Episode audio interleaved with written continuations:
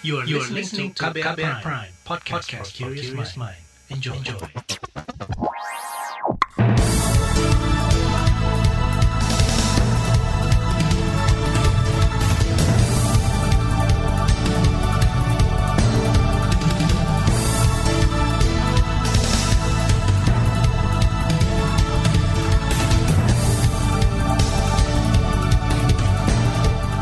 Selamat pagi saudara, senang sekali kami bisa menjumpai Anda kembali melalui program Buletin Pagi edisi Rabu 31 Maret 2021 bersama saya Malika. Sejumlah informasi pilihan telah kami siapkan di antaranya deteksi pergerakan teroris, Badan Intelijen Negara Patroli Siber, muncul klaster sekolah Mendikbud tetap wajibkan tatap muka.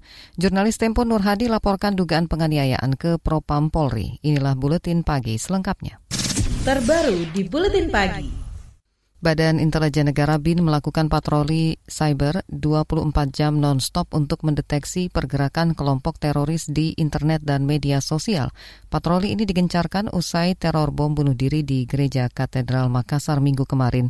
Menurut juru bicara BIN, Wawan Hari Purwanto, banyak kelompok teroris yang memanfaatkan media sosial untuk mengajak generasi muda bergabung.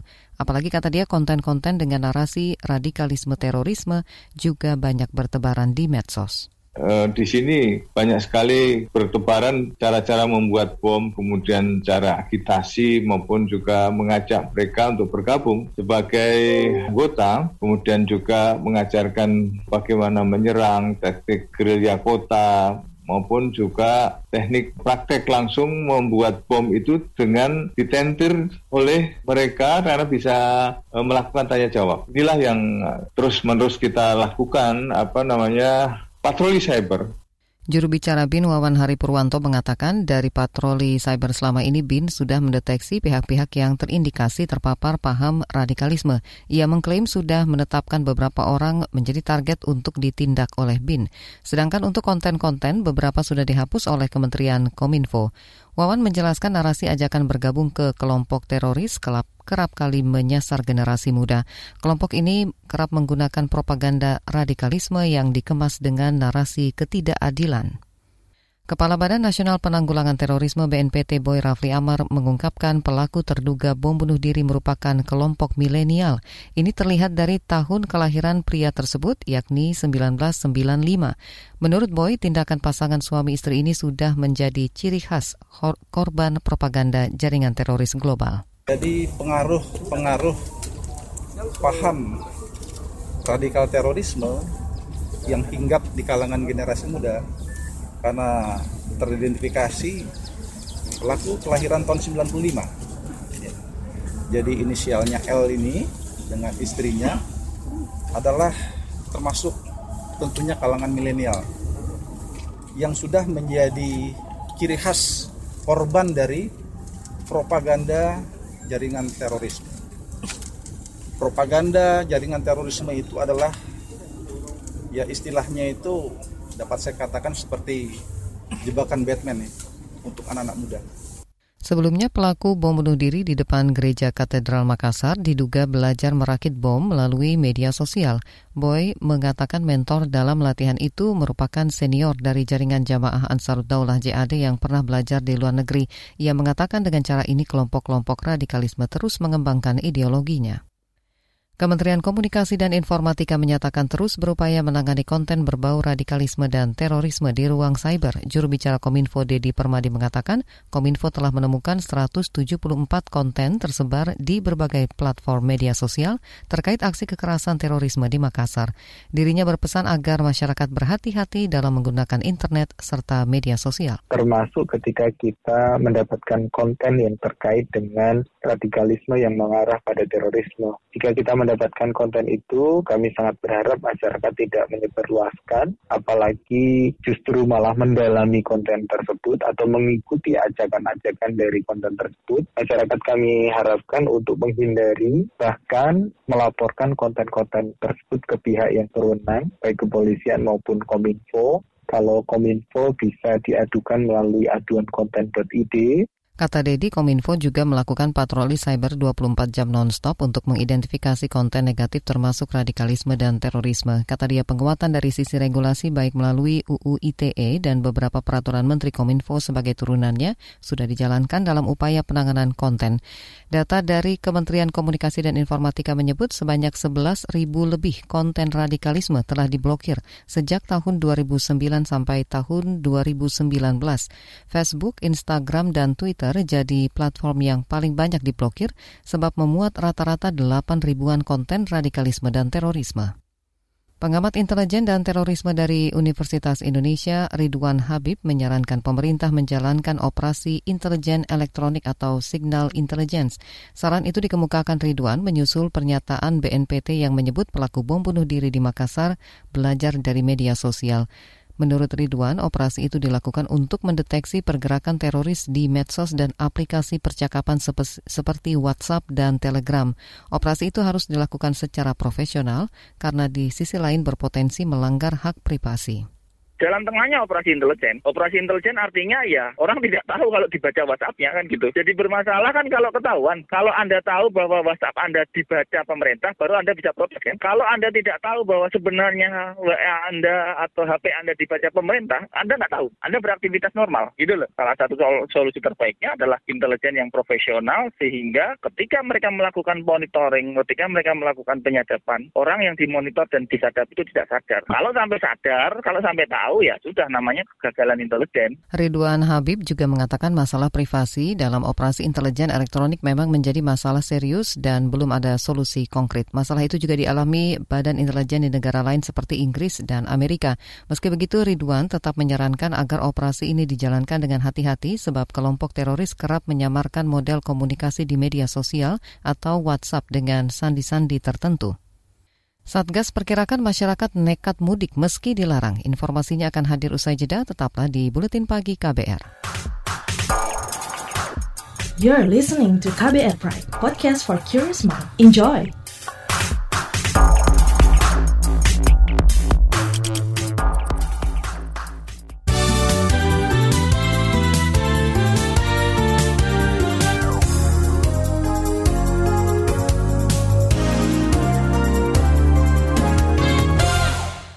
Satgas Penanganan COVID-19 memperkirakan masih ada sekitar 11 persen masyarakat yang nekat mudik meski dilarang oleh pemerintah. Ketua Satgas Penanganan COVID-19 Doni Monardo mengatakan tindakan mudik sangat berbahaya dan berpotensi menyumbang kenaikan kasus COVID-19 seperti saat libur panjang sebelumnya. Memang dari data-data yang telah uh, dikumpulkan oleh Kementerian Perhubungan, kalau misalnya tidak ada larangan mudik, diperkirakan 33 persen warga akan pulang ke kampung atau mudik. Tetapi kalau ada larangan mudik, tetap saja ada yang nekat pulang, yaitu sekitar 11 persen. Nah tugas kita bersama, termasuk teman-teman media, untuk mengingatkan bahaya mudik Ketua Satgas Penanganan COVID-19 Doni Monardo menjelaskan larangan mudik diputuskan karena selalu terjadi kenaikan kasus dan kematian usai libur panjang. Ia mengajak masyarakat belajar dari momen libur Imlek dan Isra Mi'raj beberapa waktu lalu yang ia klaim efektif menahan kenaikan kasus karena ada pengetatan pergerakan masyarakat. Pemerintah resmi melarang mudik lebaran tahun 2021. Keputusan itu diambil usai rapat koordinasi tingkat menteri. Larangan mudik berlaku untuk seluruh masyarakat pada 6 hingga 17 Mei 2021. 2021. Menteri Pendidikan dan Kebudayaan Nadiem Makarim mewajibkan sekolah mulai membuka proses pembelajaran tatap muka. Ini diputuskan melalui surat keputusan bersama SKB 4 Menteri bersama pedoman pembelajaran di masa pandemi COVID-19 dari Kemendikbud. Nadiem mengklaim pelaksanaan pembelajaran tatap muka ini diputuskan setelah menerima aspirasi masyarakat yang kesulitan ketika menjalankan proses pembelajaran jarak jauh atau PJJ. Menurutnya PJJ bahkan menimbulkan ketertinggalan pendidikan di beberapa daerah setelah pendidik dan tenaga pendidikan di dalam satu sekolah sudah divaksinasi secara lengkap, pemerintah pusat, pemerintah daerah, atau kantor Kemenak mewajibkan satuan pendidikan tersebut untuk menyediakan layanan pembelajaran tatap muka terbatas dengan menerapkan protokol kesehatan dan juga masih ada opsi pembelajaran jarak jauh. Kenapa masih harus ada opsi pembelajaran jarak jauh? Karena protokol kesehatannya itu maksimal kapasitasnya 50%. Mendikbud Nadiem Makarim menjelaskan meski sekolah membuka opsi belajar langsung di sekolah, orang tua berhak mengizinkan atau tidak anaknya untuk belajar di sekolah. Kata dia, sekolah bisa menghentikan proses pembelajaran tatap muka jika ditemukan kasus positif COVID-19. Saudara klaster sekolah dilaporkan muncul di beberapa daerah. Di Bandung misalnya awal pekan ini sebanyak 16 siswa SMA terpadu Krida Nusantara terkonfirmasi positif COVID-19 saat menjalani kegiatan pembinaan sekolah pertengahan Maret lalu. Sementara di Jambi sebanyak 50 25 siswa dan guru SMA positif COVID-19. Klaster sekolah ini muncul diduga lantaran kegiatan belajar mengajar yang mengabaikan protokol kesehatan. Pemerintah berencana kembali mengimpor garam tahun ini. Menurut Sekretaris Jenderal Kementerian Kelautan dan Perikanan Antam November, masih ada kekurangan untuk menutupi kebutuhan garam sehingga impor harus tetap dilakukan. 3 juta ton itu didapat angka dari uh, dari data bahwasanya stok awal uh, stok awal dan ketersediaan apa ketersediaan yang ada adalah 4 juta 450 uh, ribu ton atau 4 hampir 4,4 juta ton. Itu ketersediaan. Sedangkan yang dibutuhkan uh, yaitu 7,5 tujuh setengah ton. Ulangi tujuh setengah juta ton jadi masih ada kekurangan sekitar 3 juta ton. Sekretaris Jenderal KKP Antam November mengatakan impor garam bisa dilakukan dengan syarat satu setengah juta ton garam rakyat harus diserap industri. Ia memastikan akan terus melakukan evaluasi dan tidak akan melakukan impor saat panen raya terjadi. Beralih ke informasi ekonomi, Menteri Koordinator Bidang Perekonomian Erlangga Hartarto optimis pemulihan ekonomi nasional terus membaik seiring proses vaksinasi COVID-19 yang tengah berjalan. Ini tampak dari beberapa indikator pemulihan ekonomi yang semakin terakselerasi di kuartal 1 2021. Dari sisi ekonomi, tanda-tanda pemulihan ekonomi juga sudah terlihat tercermin dari PMI manufaktur yang berada di atas level ekspansif 50 atau 50,9 dan realisasi investasi dan penyaluran kur di tahun 2020 yang lebih tinggi dibandingkan dengan tahun sebelumnya. Proporsi pengeluaran konsumsi masyarakat terhadap simpanan yang terus meningkat serta IHSG dan nilai tukar rupiah yang telah kembali ke level pra-pandemi. Menteri Koordinator Bidang Perekonomian Erlangga Hartarto menambahkan vaksinasi menjadi strategi yang diutamakan dan diharapkan dapat mendorong pemulihan ekonomi nasional.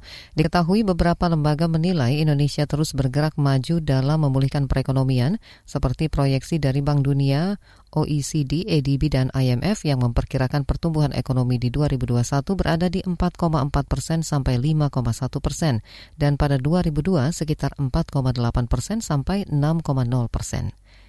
Kita ke mancanegara. Saudara Inggris telah menyuarakan pertemuan darurat Dewan Keamanan Perserikatan Bangsa-Bangsa mengenai situasi kudeta Myanmar yang kian memanas. Pertemuan ini rencananya akan diadakan secara tertutup pada hari ini dengan pengarahan situasi khusus oleh perwakilan PBB Myanmar Kristi Schreiner Bergener. Mengutip Reuters kemarin, lembaga pendamping tahanan politik menyebut total warga tewas akibat kekejaman junta militer Myanmar menembus 500 orang. Dalam dua bulan, 510 nyawa termasuk anak-anak dan remaja tewas karena aksi aparat represif militer, kepolisian membubarkan pengunjuk rasa anti kudeta. Sebelumnya 10 Maret 2021, Dewan Keamanan PBB untuk pertama kali menerbitkan deklarasi yang mengecam angkatan bersenjata Myanmar atas penggunaan kekerasan dalam menghadapi demonstran termasuk perempuan dan anak-anak. Kita ke informasi olahraga pengurus pusat Persatuan Bola Voli seluruh Indonesia akhirnya secara resmi meniadakan kompetisi Pro Liga 2021. Tidak ada sponsor menjadi penyebabnya. Kompetisi Pro Liga sempat direncanakan berlangsung Juli atau Agustus mendatang. Mereka masih menunggu kepastian sponsor dan COVID-19 mereda hingga April. Memasuki caturulan ternyata sponsor tak kunjung ada alhasil PBVSI memutuskan meniadakan dan mengalihkan fokus untuk persiapan Pro Liga tahun depan. Direktur Proliga Hani S. Surkati membenarkan adanya surat pemberitahuan tersebut. Kata dia keputusan yang diambil pengurus untuk meniadakan Proliga 2021 sudah tepat. Apalagi ke depan akan ada multi ajang dua tahunan SEA Games di Vietnam. Sementara itu untuk kompetisi tahun depan PBVSI memutuskan menyelenggarakan pada Januari sampai Maret 2022.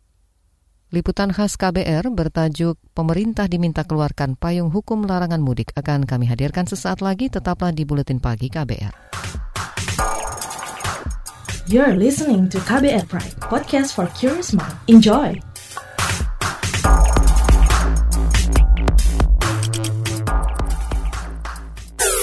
Commercial break. Pada suatu hari di kerajaan Wahana, sang raja merasa gelisah melihat warganya yang mulai malas dan tidak bergairah untuk beraktivitas. Maka dibuatlah sayembara. Wahai rakyatku, saya akan membuat sayembara untuk membuat kerajaan kita bergairah dan bersemangat lagi. Barang siapa yang bisa menemukan formula yang manjur, jika dia laki-laki, akan saya nikahkan dengan putri saya. Um, maaf Baginda Raja, saya ada formula yang pas buat mengatasi masalah dari kerajaan Anda Baginda. Baginda silahkan perintahkan seluruh rakyat untuk mendengarkan Vitamin O di kbrprime.id. Vitamin O hasil kolaborasi dari CISDI dan KBR dan kerjasama ini terkait fakta-fakta isu kesehatan yang sedang dan yang akan dihadapi oleh pemuda, baik yang mempengaruhi mereka secara langsung maupun tidak langsung Baginda. Rakyatku, mulai sekarang saya perintahkan kalian untuk mendengarkan Vitamin hanya di kbrprime.id. KBR Prime, podcast for curious mind.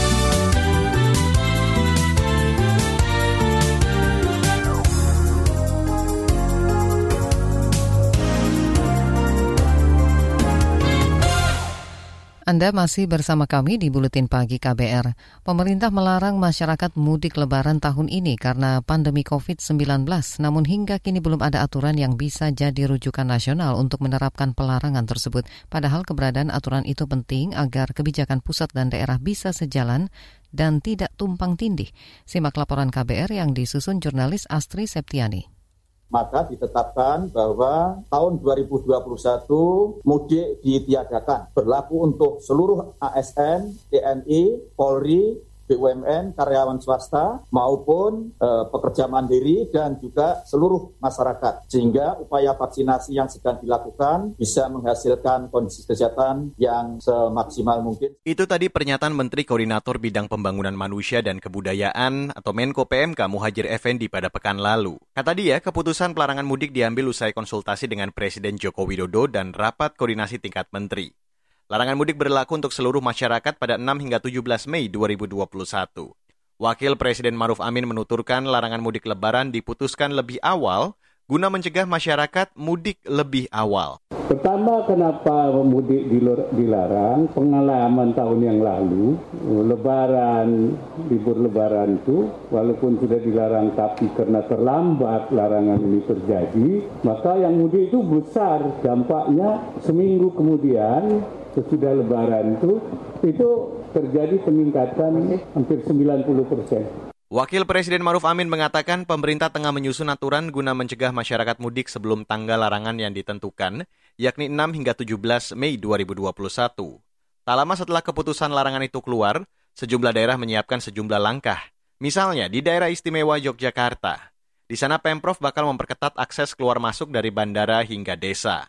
Berikut penjelasan Sekretaris Daerah DIY Kadar Manta Baskara Aji. Tentu yang harus dilakukan juga tidak mungkin rasanya semua bisa terfilter. Oleh karena itu kewaspadaan teman-teman di posko RT, posko kelurahan itu tetap harus diefektifkan sehingga bisa dilakukan screening karena pergerakan itu bukan hanya yang mudik dari jauh tetapi juga bisa jadi antar antar kabupaten kita sendiri juga akan ada mobilitas yang cukup tinggi. Sementara itu, Gubernur DKI Jakarta Anies Baswedan tengah mengkaji peluang memperlakukan kembali surat izin keluar masuk atau SIKM ibu kota. SIKM merupakan aturan Pemprov DKI pada masa pembatasan mudik tahun lalu. Aturan itu tertuang dalam peraturan gubernur tentang pengendalian pergerakan penduduk pada masa lebaran. Tahun ini kita lihat apakah kita menggunakan pergub yang sama atau nanti ada aturan baru dari pemerintah pusat yang menjadi. Kami dari tahun lalu sudah ada itu. Anda ingat kan SIKM? Jadi karena itu larangan mudik ini perlu diwujudkan dalam bentuk peraturan. Menurut Gubernur Jakarta Anies Baswedan, harus ada aturan yang konkret mengenai larangan mudik. Aturan itu penting agar petugas kepolisian dan dinas perhubungan memiliki dasar hukum kuat menindak masyarakat yang melanggar. Menteri Perhubungan Budi Karya Sumadi menjelaskan aturan pengendalian transportasi saat mudik saat ini tengah disusun. Mengutip situs Kemenhub, Menteri Budi mengatakan penyusunan aturan dilakukan melalui koordinasi intensif dengan berbagai kementerian dan lembaga terkait. Kemenhub juga bakal meminta masukan dari berbagai pihak sebagai bahan masukan dan pertimbangan menyusun regulasi tersebut, termasuk terkait sanksi bagi pelanggar. Namun pengamat transportasi Joko Setijowarno menilai perlu payung hukum berupa peraturan presiden atau perpres tentang pelarangan mudik lebaran tahun 2021. Menurutnya hal itu untuk mencegah tumpang tindih aturan yang bakal membingungkan masyarakat. Ia berharap perpres itu bisa dikeluarkan tahun ini agar bisa diimplementasikan secara nasional dan hasilnya bisa optimal. Nah, tahun lalu itu setahu saya ada dua SK itu. Nah, dua aturan, aturan Kementerian Perhubungan, Permenhub, sama aturan dari Gubernur DKI untuk wilayah Jakarta. Nah, ditambah daerah buat sendiri-sendiri. Eh, masyarakat tuh jadi bingung gitu ya. Ini tujuannya juga untuk memaksimalkan apa kepolisian juga dalam bertugas bahwa mereka bekerja itu punya payung hukum kan polisi tugas payung hukumnya apa? Ya di atasnya, ya peraturan presiden. Ya peraturan presiden itu hanya satu ketentuan untuk seluruh Indonesia. Ketua Bidang Perubahan Perilaku Satgas Penanganan COVID-19, Sony Haribe Harmadi mengakui, terjadi peningkatan kasus aktif usai libur panjang.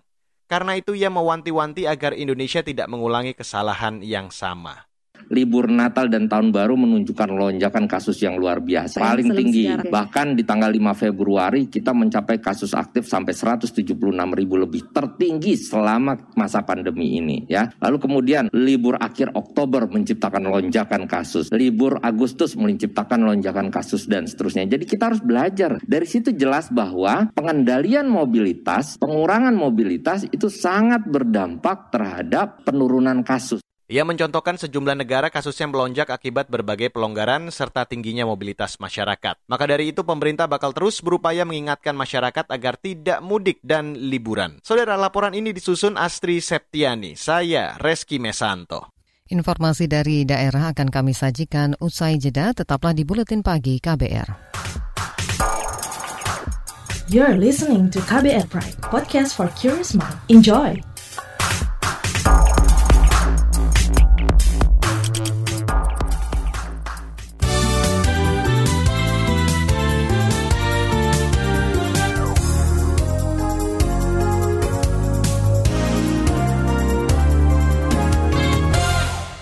Inilah bagian akhir buletin pagi KBR.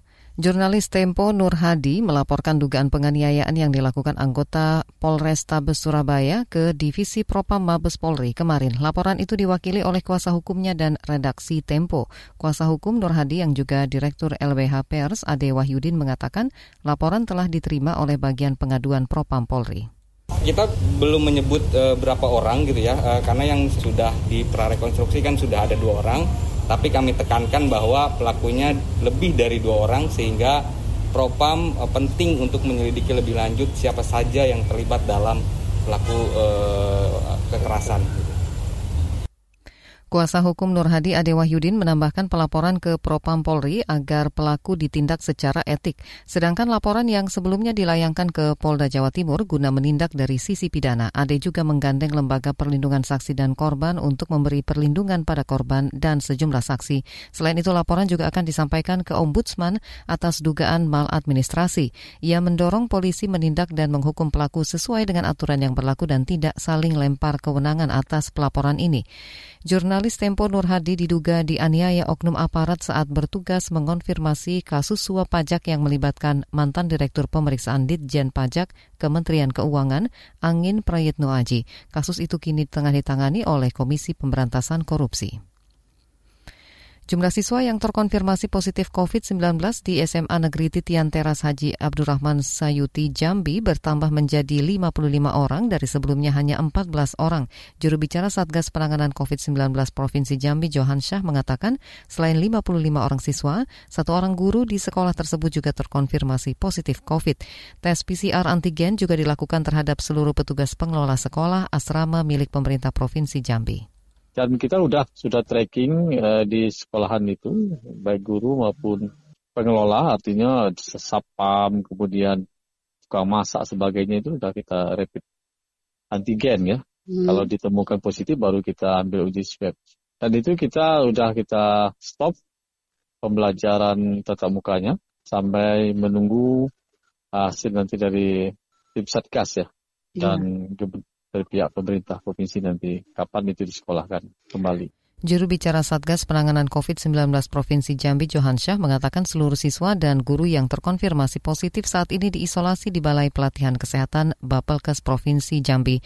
Ia juga mengungkapkan para siswa yang hasil uji PCR-nya negatif dipulangkan ke rumah masing-masing dan wajib melakukan isolasi mandiri.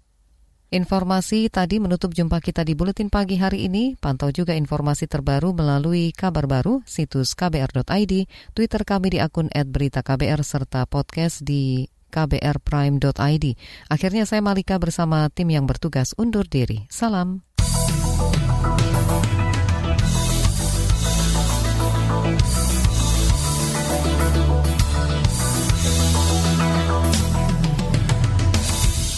KBR Prime, cara asik mendengar berita. KBR Prime, podcast for curious mind.